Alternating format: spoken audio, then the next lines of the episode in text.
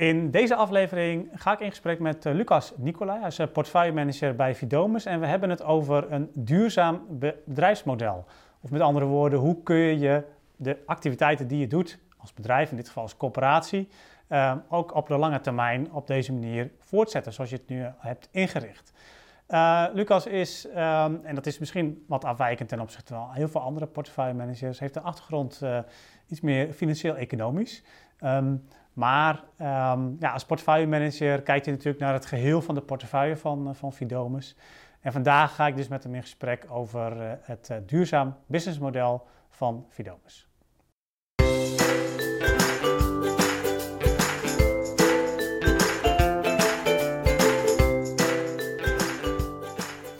Ja, Lucas, um, dankjewel uh, dat je ook dit wilt vertellen. Want ja, kwam eigenlijk via een collega in contact met jou, omdat jullie uh, je afgelopen jaar ontzettend hebben verdiept in wat is nou het duurzaam businessmodel voor, uh, voor Vidomus. Um, wat was de aanleiding voor jullie om je daar zo in te verdiepen? Ja, dankjewel uh, dat je me uitgenodigd hebt. de, de aanleiding was eigenlijk ons rendementsbeleid. Um, wij merkten, ook zoals veel andere corporaties zijn wij op een gegeven moment toen de, de marktwaardering inkwam overgestapt op een rendementsbeleid wat uh, qua normering gebaseerd was op een WACC. Heel kort, waarbij je eigenlijk kijkt van, van hoeveel, vermogen, hoe, hoeveel vermogensgroei wil ik op mijn eigen vermogen maken, hoeveel vraagt de bank als ik daar leen en Precies. het gewogen gemiddelde daarvan, dat is dan de rendementseis die ik stel aan nieuwe projecten. Even heel kort uh, door de bocht. Precies, helemaal goed. En, de, en daar keken we dan per project naar ja. uh, door een IRR te berekenen. En dat, we, dat, nou, dat ja. vergeleken we dan met elkaar. En eigenlijk ja, veel, veel corporaties doen het op die manier. Hè? Want misschien herkent niet iedereen de term, maar eigenlijk bij de, veel corporaties deden of doen dat nog steeds op die manier. Ja, ja dat klopt. En dat is eigenlijk gewoon ontstaan vanuit uh, het moment dat we op marktwaardering overgingen. Toen zijn we eigenlijk een beetje gaan kopiëren wat, wat de marktpartijen doen. Mm -hmm. uh, en die doen dat vaak op deze manier, waar dat ook op zich een hele logische manier voor is. Uh, wij hadden alleen het, nou, het bezwaar dat we die norm vaak niet haalden, of eigenlijk ja. haast nooit haalden. Uh, en dan uh, ook in de gesprekken er niet goed achter kwamen van ja, waar ligt dat dan aan en wat betekent dit eigenlijk? Dus het, het gaf voor ons eigenlijk helemaal geen sturing.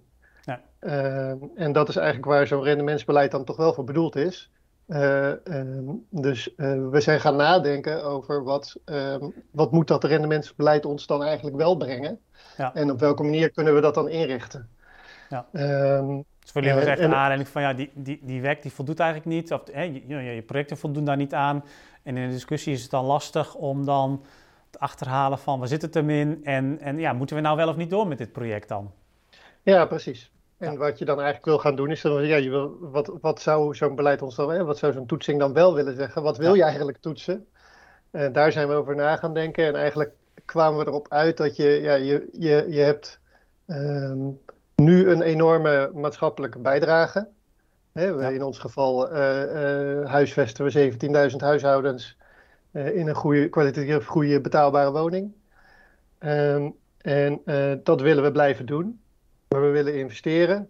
En we willen zorgen dat met die investering we in ieder geval ook die bestaande bijdrage nou ja, niet in gevaar brengen. Ja, ja. Kun, kun je iets meer zeggen over hoe dat uh, duurzaam businessmodel er bij jullie uitziet? Want nou ja, je noemt al het onderscheid tussen eigenlijk je huidige prestatie, die je met de bestaande voorraad levert, en, en wat je nog extra zou willen doen in de toekomst en investeringen. Kun, kun je eerst nog iets meer zeggen over überhaupt hoe dat duurzaam businessmodel er voor jullie uitziet? Uh, ja, dat, uh, dat, dat, onderscheid is eigenlijk de basis nu van dat duurzaam businessmodel. Het is ook mm -hmm. inderdaad echt een model. Hè? Het is gewoon een een opzet van uh, een theoretische denkexercitie, zeg maar. Ja. Uh, en daar hebben we de berekeningen ook losgelaten. En wat we inderdaad gedaan hebben, is van wat is nou onze, uh, onze baseline? Wat is nou onze toegevoegde waarde op dit moment? En wat zouden we eigenlijk minimaal altijd willen garanderen? dus we hebben eigenlijk gezegd, we klikken wat wij nu doen vast. Dus onze betaalbaarheidsbeleid, onze aantallen woningen. Mm -hmm. En zijn gaan nadenken van wat uh, hoe zou je nou kunnen uh, uh, modelleren dat je die prestatie eigenlijk eeuwigdurend ja. kan leveren? Ja. En, en want, wat moet je, want dan is het interessant natuurlijk om te kijken van wat moet je daar dan voor doen? Want je, ja, ja. Ehm, de betaalbaarheid en het aantallen woningen die je nu hebt, die heb je nu. Maar goed, die hebben ook onderhoud nodig. Die moeten misschien een keer vernieuwd worden. Um, ja. Zo hebben jullie er ook naar gekeken de crux zit hem dan in het woordje eeuwigdurend, hè, want dat is heel lang. Ja. dus uh, daar moet je inderdaad uh, dagelijks onderhoud en planmatig onderhoud voor doen, maar dan, dan kom je er niet. Uh, dus wat wij gezegd hebben, je, daar komt dan ook de, de wat meer technische achtergrond die ik voor een deel ook heb. je moet ook één keer in de zoveel tijd toch echt een ingreep doen om zo'n woning in stand te houden. Mhm. En uh, dat is ja, in gesprekken met andere corporaties, maar dan is het altijd een beetje de, uh, de discussie van waar ligt dan de grens? Hè? Wanneer is dat dan nog in stand houden? Wanneer is het echt moderniseren of wanneer is het echt verbeteren? Ja. Uh, maar wij hebben dat zo, zo scherp mogelijk proberen af te bakenen. Dus we hebben bijvoorbeeld de, de verduurzamingsambitie, de energietransitie, in, in die zin hebben we er eigenlijk uitgehaald. Ja. En we zeggen echt, uh, gemodelleerd, even los van die hele energietransitie en die opgave die daar is, kan je er sowieso van uitgaan, ook als dat soort opgaven er niet zijn, dat je één keer in de 30, 35 jaar een keer een stevig bedrag moet investeren in zo'n woning om hem weer op peil te brengen. Ja. Ja, um, dus dat is eigenlijk een, een, een knop die we hebben ingericht om, om, uh, om uh, mee te rekenen. Uh, en dan hebben we ehm, nog een andere, ook, ook, ook al doe je dat, zou je toch altijd nog wel rekening moeten houden met het feit dat er af en toe eens woningen toch zo ver afzakken dat ze eigenlijk niet meer voldoen. Mm dus die gesloopt moeten worden. Of dat er woningen zijn die um, eigenlijk niet passen in je portefeuille. Ja. Um, dus ook die knop hebben we ingebouwd. en dan zeggen we dus eigenlijk de middelen voor dat in stand houden, dus voor het dagelijks onderhoud, planmatig onderhoud en die instandhoudingsingreep, plus middelen voor wat we dan compensatie nieuwbouw noemen, dus het mhm. compenseren van de sloop en van de verkoop dat is nodig om die voorraad precies op peil te houden. Ja. En, en door met, het op die manier te doen, kan je eigenlijk een, uh, gewoon modelmatig het helemaal door blijven eh, rekenen. En dan, uh, en dan hou je eigenlijk al, ja, hou je in dat eeuwig, hou je dan um, de aantallen woningen met, met ook de prestaties. Hè, de, maar, ja. Dat is woontechnisch, maar ook qua verduurzaming, de huidige prestaties, qua energiebesparing, et cetera. Ja. Zoals ze op dit moment, anno 2021, geleverd worden. Uh, en dat kun je dan eeuwig volhouden met, met die ingrepen. En dat hebben jullie allemaal op een rijtje gezet, wat, je daar dan voor moet doen. Wat dan de crux is om te bepalen of het duurzaam is, is dan de toets aan de middelen. Ja, en dan eh, financieel duurzaam in dit geval dan. Precies, financieel duurzaam. Maar dat is natuurlijk de hamvraag, hè, van kun je dat dan uh, kun je dat dan ook inderdaad eeuwigdurend doen? Want Precies. je hebt nu uitgelegd hoe jullie die knop op, op een rij hebben gezet. Ja, kun je dan eeuwigdurend ook financieel uh, dat, dat volhouden? Ja, en, dat, en wat we dan doen is dat we dat vanuit de middelen die je genereert met je reguliere bedrijfsvoering, dat je daarmee dat uh, zou willen kunnen financieren. Dus uh, uh, puur op basis van huurinkomsten en verkoopopbrengsten. Ja. Um, nou, dat, dat hebben we in eerste instantie, omdat dat ook de aanleiding was voor het rendementsbeleid, berekend over een, een, wat langere periode van, een, van 15 jaar. Um, en nou, dat, dat bleek dat dat, eh, dat dat haalbaar is. En dan hou je nog mhm. wel wat over voor ambities. En dan, dan konden we onze MJP op inrekenen. Maar het gaf ons ook tegelijkertijd wel het, uh, het besef dat we uh, zo'n soort model eigenlijk goed konden gebruiken als, als, als risico-inschatting voor de langere termijn. Ja, ja want dus 15 jaar is nog geen eeuwig. Uh, nee, precies. en dat, dus dat is eigenlijk ook hoe we gaan. Zij, we zijn eigenlijk zo gaan rekenen om, om een normering op te kunnen stellen voor het rendementsbeleid. Dus dat is eigenlijk één toepassing. Mm ja. En de toepassing die meer uh, is gaan leven onder de noemer duurzaam businessmodel, is inderdaad eigenlijk een soort risicoanalyse die we voor de lange termijn maken. Uh, en dat is eigenlijk iets wat we jaarlijks nu doen. Uh, dus we pakken eigenlijk aan het eind van het jaar, als de begroting klaar is en de meer, nieuwe meerjarenplanning klaar is, pakken we die meerjarenplanning van 10 jaar. En die, uh, uh, nou ja, dus alle ambities die daarin zitten, die plakken we in, in het duurzaam businessmodel, zo gezegd. Ja. En vanaf jaar 11 tot en met jaar 50, want zover kijken we dan, omdat dat ongeveer de langste termijn is waarbij je nog een beetje sturing hebt. Dat is een beetje de langste termijn waarin je leningen afsluit. Dus daar. Ja heb je iets van sturing. In die periode rekenen we het dan door op basis van de kerngetallen van het duurzaam businessmodel en toetsen we dus. Dus we halen dan na jaar 10 eigenlijk alle uh, daar doen we geen, geen extra ambities meer. Mhm. Maar dan kijken we gewoon, houden we voldoende over? Hebben we voldoende marge op uh, als we, als we nou, die, dus die instandhouding en die compensatie nieuwbouw gereserveerd hebben? Houden we dan nog wat over om gewoon ons model gezond te houden? En, en is dat op dit moment zo? Kun, kun je dat doen? Ehm, niet tot aan 2050, nee. Nee, nee dus ja precies. En dat is natuurlijk afhankelijk van welke, welke kerngetallen je inrekent. Hè? Maar als je mhm. even op basis van de, wat we doen, is de, de kerngetallen die de, die de AW voorschrijft, zeg maar. Eh, dus die, parameters, als we die erin zetten, uh, dan, dan ga je na verloop van tijd zak je door de, door de nulgrens, zeg maar. Ja, precies. We hebben die wel variabel gemaakt, dus je kan daar ook wel, dat is het aardige ervan. Daarom is het ook echt een risicoanalyse tool geworden is dat je, uh, nou als je aan die knoppen draait, kan je ook zien welke, welke, uh, ja, wel, welke onderdelen nou echt het meeste effect hebben. Hè? Dus ja. ja. de rente is natuurlijk een voor de hand liggende. Mhm. Maar ook het feit dat de index op kosten op dit moment hoger is dan de, dan de, de index op de huurinkomsten. dat trekt ook een wissel. Eh, maar je kan ook, door daar een beetje mee te spelen, kan je ook zien hoe groot dat, dat effect is. Dus en dan kan je inschattingen maken van ja, verwachten we dat dat op, op een gegeven moment wel weer uitvlakt en moeten we daarmee sturen of niet? Ja, ja maar dat, dat, dat vind ik zelf ook altijd het meest lastige van dit soort financiële doorrekeningen, zeker op langere termijn. Hè. Dus zit, naar mijn smaak ook al heel, in heel veel parameters zit al een soort van een risicobuffertje ingebouwd eigenlijk. Hè? Dus, dus dan, dan is inderdaad de vraag van... Um, de corporaties gaan al heel lang over tien jaar failliet... maar het is nog nooit echt gebeurd. uh, althans niet in grote getalen. En, um, maar, maar, jullie kijken daar ook wel op die manier naar. Dat je, dat je, dat je ook verder kijkt dan alleen van... oké, op deze manier moeten we het uitrekenen nu... zoals de externe toezichthouders er ook naar kijken. Uiteraard en dat is ook logisch eh, als externe toezichthouder met enige voorzichtigheid. Um, maar we proberen daar ook een, een, ja, meer scenario's die misschien wat meer realistisch zijn um, naast te zetten. Ja, en tegelijkertijd merk ik nu ook um, dat de externe toezichthouder heeft natuurlijk ook wel wat uh, normen versoepeld. Mm -hmm. ja. die een ruimte bieden die die ook niet altijd even uh, veel uh, comfort geven. Nee.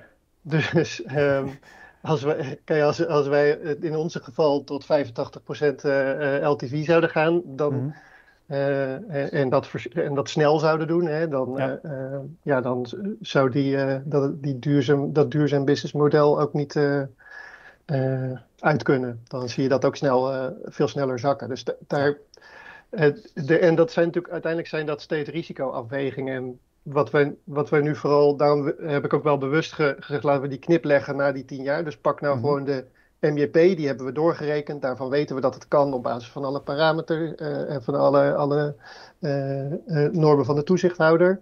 Maar laten we dan even de, één keer per jaar de doorkijk maken van waar zitten nou dan de grote risico's die daarna op kunnen spelen.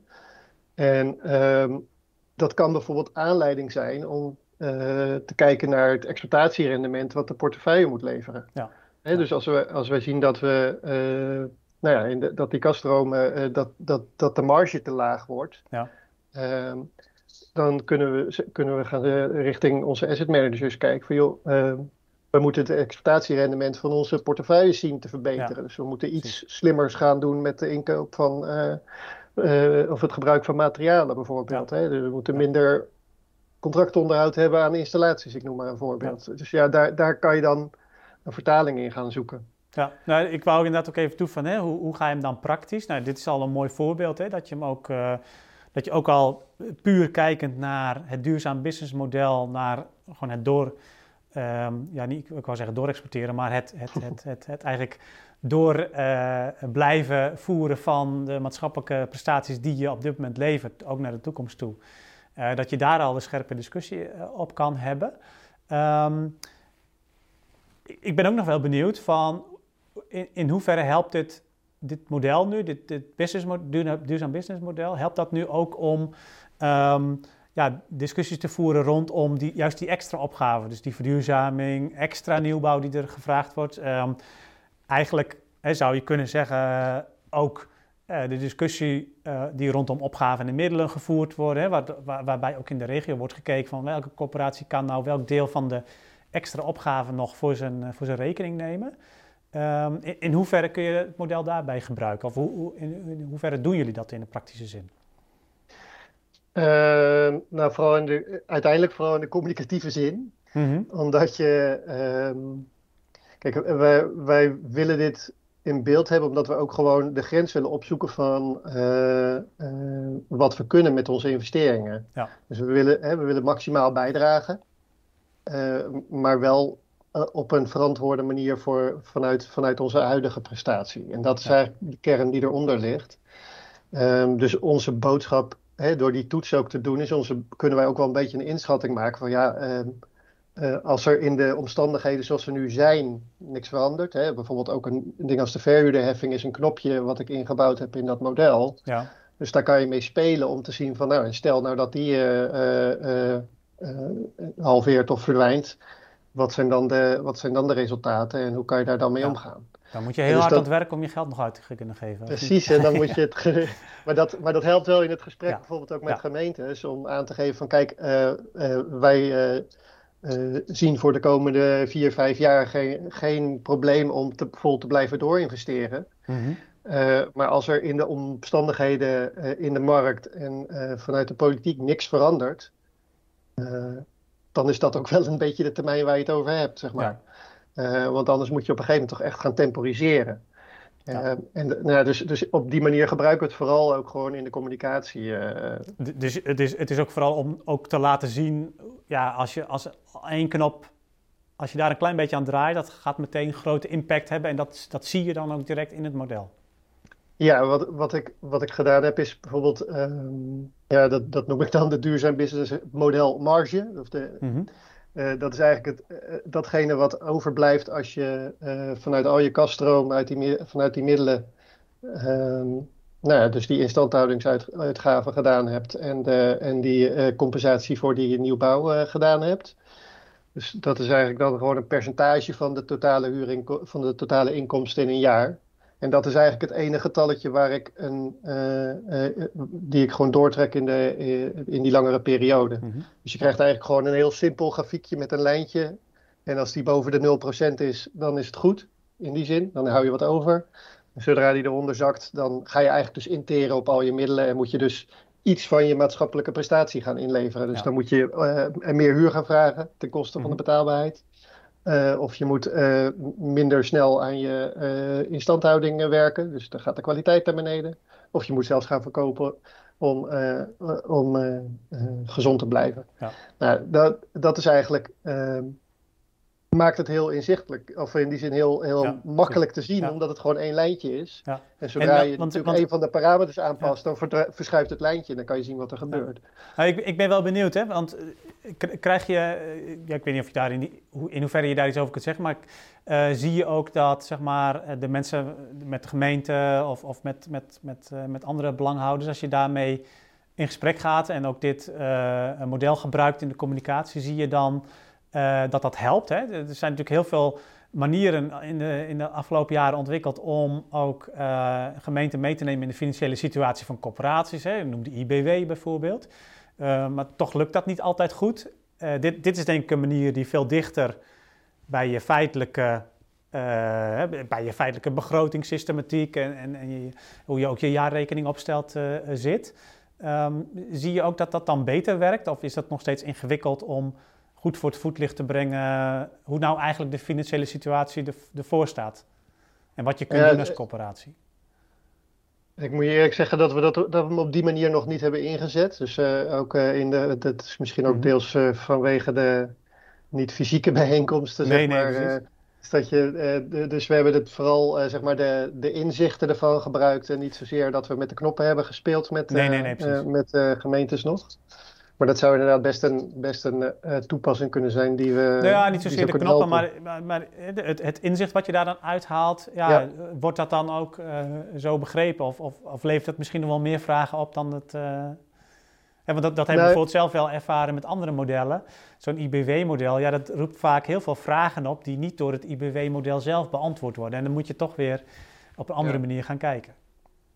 Ja, nee, wat, wat ik probeer dan zelf meestal te doen, is gewoon de boodschap ehm, eh, zo eenvoudig te houden, houden dat, het, uh, dat het vooral is, ja, we, we kunnen het onder de huidige omstandigheden nog best een mhm. aantal jaar volhouden, maar uh, en dan ja, um, uiteindelijk is dat toch een een lastige om dan, uh, om dan in de details, zeg maar, in, in gesprekken met gemeenten, dan heb je denk ik toch wat meer onderbouwing nodig. Uh, als je dat echt wil laten zien, dan zou je toch uh, het hele, het, het hele verhaal en het hele plaatje moeten laten zien. En zover zijn we met de gemeentes in ieder geval nog niet nee.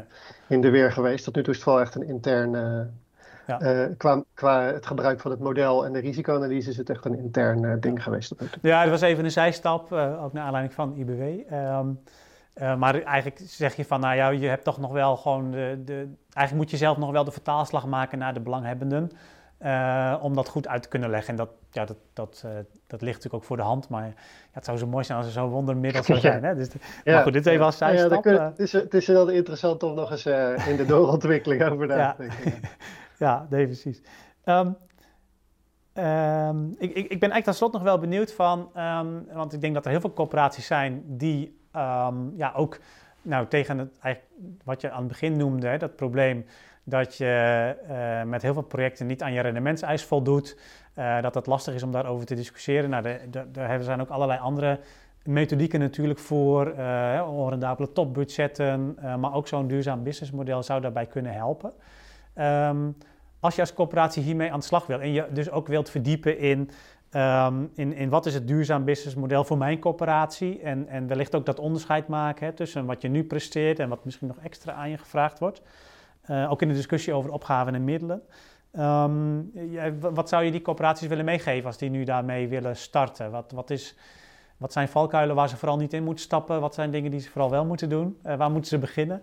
Uh, kun, je daar iets, kun je daar een tipje van de sluier voor ze oplichten?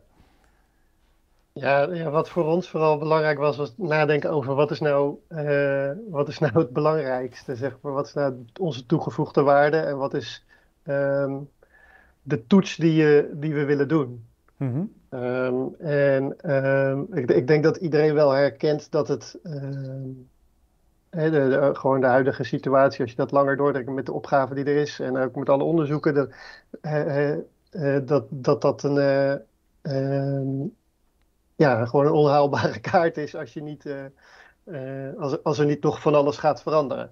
Ja. Maar we kunnen, ja, en die glazen bol die hebben we niet.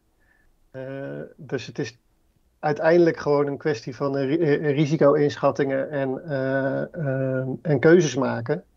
En, en dat betekent dat je vooral inzichten moet vergaren. Dus je moet voor jezelf bepalen wat je belangrijk vindt en wat je uh, wat jouw uh, basis is vanuit waar je wil, wat, je, wat je eigenlijk wil kunnen garanderen. Mm -hmm.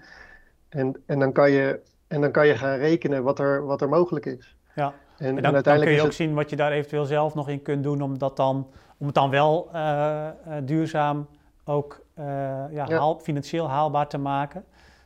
of dat, dat, zelfs, al dat, zelfs dat die baseline al niet eens gehaald kan worden onder de huidige financiële omstandigheden.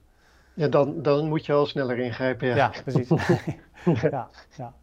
Nou, volgens mij een heldere, heldere tip. Zijn er nog andere dingen die je corporaties kan meegeven? Of is dit het belangrijkste? Um, nou ja, wat, wat, ik, wat ik weet niet in hoeverre dat inmiddels al echt uh, uh, gemeen goed is. Maar het, volgens mij wordt dat wel steeds uh, meer herkend. Is dat uiteindelijk um, draait het wat mij betreft gewoon om de kaststromen. Ja. Um, de, waar, we eh, sinds de marktwaardering nog wel eens uh, heel enthousiast aan de slag gegaan zijn met allerlei waarderingen en marktwaarde, beleidswaarde, et cetera. Uiteindelijk waar dit model ook om draait is, uh, je genereert kaststromen en die moeten er met een bepaald doel weer uit. En ja. dat moet met elkaar in balans ja. zijn. Wil je het op een duurzame manier voor elkaar kunnen krijgen. Dus, dus um, en er zitten natuurlijk allerlei verbanden tussen. Hè? Dus als je, als je iets aan die waarde gaat doen door investeringen, dan gebeurt er ook weer iets met die kaststromen en dan wordt die ingewikkelder. En dat is wat, je, nou ja, met, met, wat we met zo'n model proberen wat te simplificeren door een aantal aannames te doen. En dan, en, en, en dan kan je dus wat voorspellen over die kaststromen. En dat is eigenlijk, nou ja, denk ik, een goede om je te blijven realiseren. Dat, ja. Nee, wat je, wat je natuurlijk net al zei, hè, het, is, het is mooi dat je een LTV van 85% kan halen. Hè, dat, je, dat je eigenlijk 85% van je, van je woningwaarde mag lenen. Um, Alleen ja, als je dan vervolgens uh, uh, toch. Je, uiteindelijk moet je de facturen wel betalen als je dat, als je dat gaat investeren. Ja. En die, die, aannemer gaat wel facturen sturen, dus die moet je toch kunnen betalen. En als je ook nog de huren laag wilt houden, ja. ja. dan, dan, dan uh, is het toch verstandig, denk ik inderdaad ook met jou, uh, om vooral naar die kaststroom te blijven kijken. Ja, exact. Nou, dankjewel voor jouw toelichting op jullie, jullie duurzaam bedrijfsmodel. Um, ja, um, nou, hier kun je dus als coöperatie ook mee aan de slag gaan. Um, belangrijk is dus om als eerste ook gewoon je baseline te bepalen. Hè. Wat, wat wil je nou in de basiscoöperatie echt realiseren? En ook eeuwigdurend kunnen uh, blijven realiseren. Dan kun je dat vervolgens ook gaan doorrekenen of dat inderdaad uh, kan. Nou, lijkt me sowieso een hele uh, interessante en waardevolle discussie die je met elkaar binnen de coöperatie kunt hebben. En het tweede belangrijke is natuurlijk om ook vooral te blijven kijken naar die kaststromen. Um, het gaat er uiteindelijk toch om, heb je voldoende geld op je rekening? Komt er voldoende binnen aan huur, zodat je ook de rekeningen, onderhoud, personeelslasten, uh, de, de, de, aannemer die facturen stuurt, kun je die ook op langere termijn blijven betalen. Um, ik wens je daar heel veel succes mee. Um, Lucas, mensen kunnen contact met jou opnemen hè, als ze eventueel ook meer informatie van jou zouden willen daarover. Ja hoor, geen probleem. Helemaal goed. Nou, we gaan um, in ieder geval het linkje ook eventjes naar de contactgegevens van Fidomus hieronder zetten. Dus dan, dan, kunnen mensen via die weg eventueel ook contact met jou opnemen, mochten ze dat, mochten ze dat willen. Um, rest mij nog um, ja, jullie als coöperatie daar als kijker heel veel succes mee te wensen en graag tot een volgende aflevering.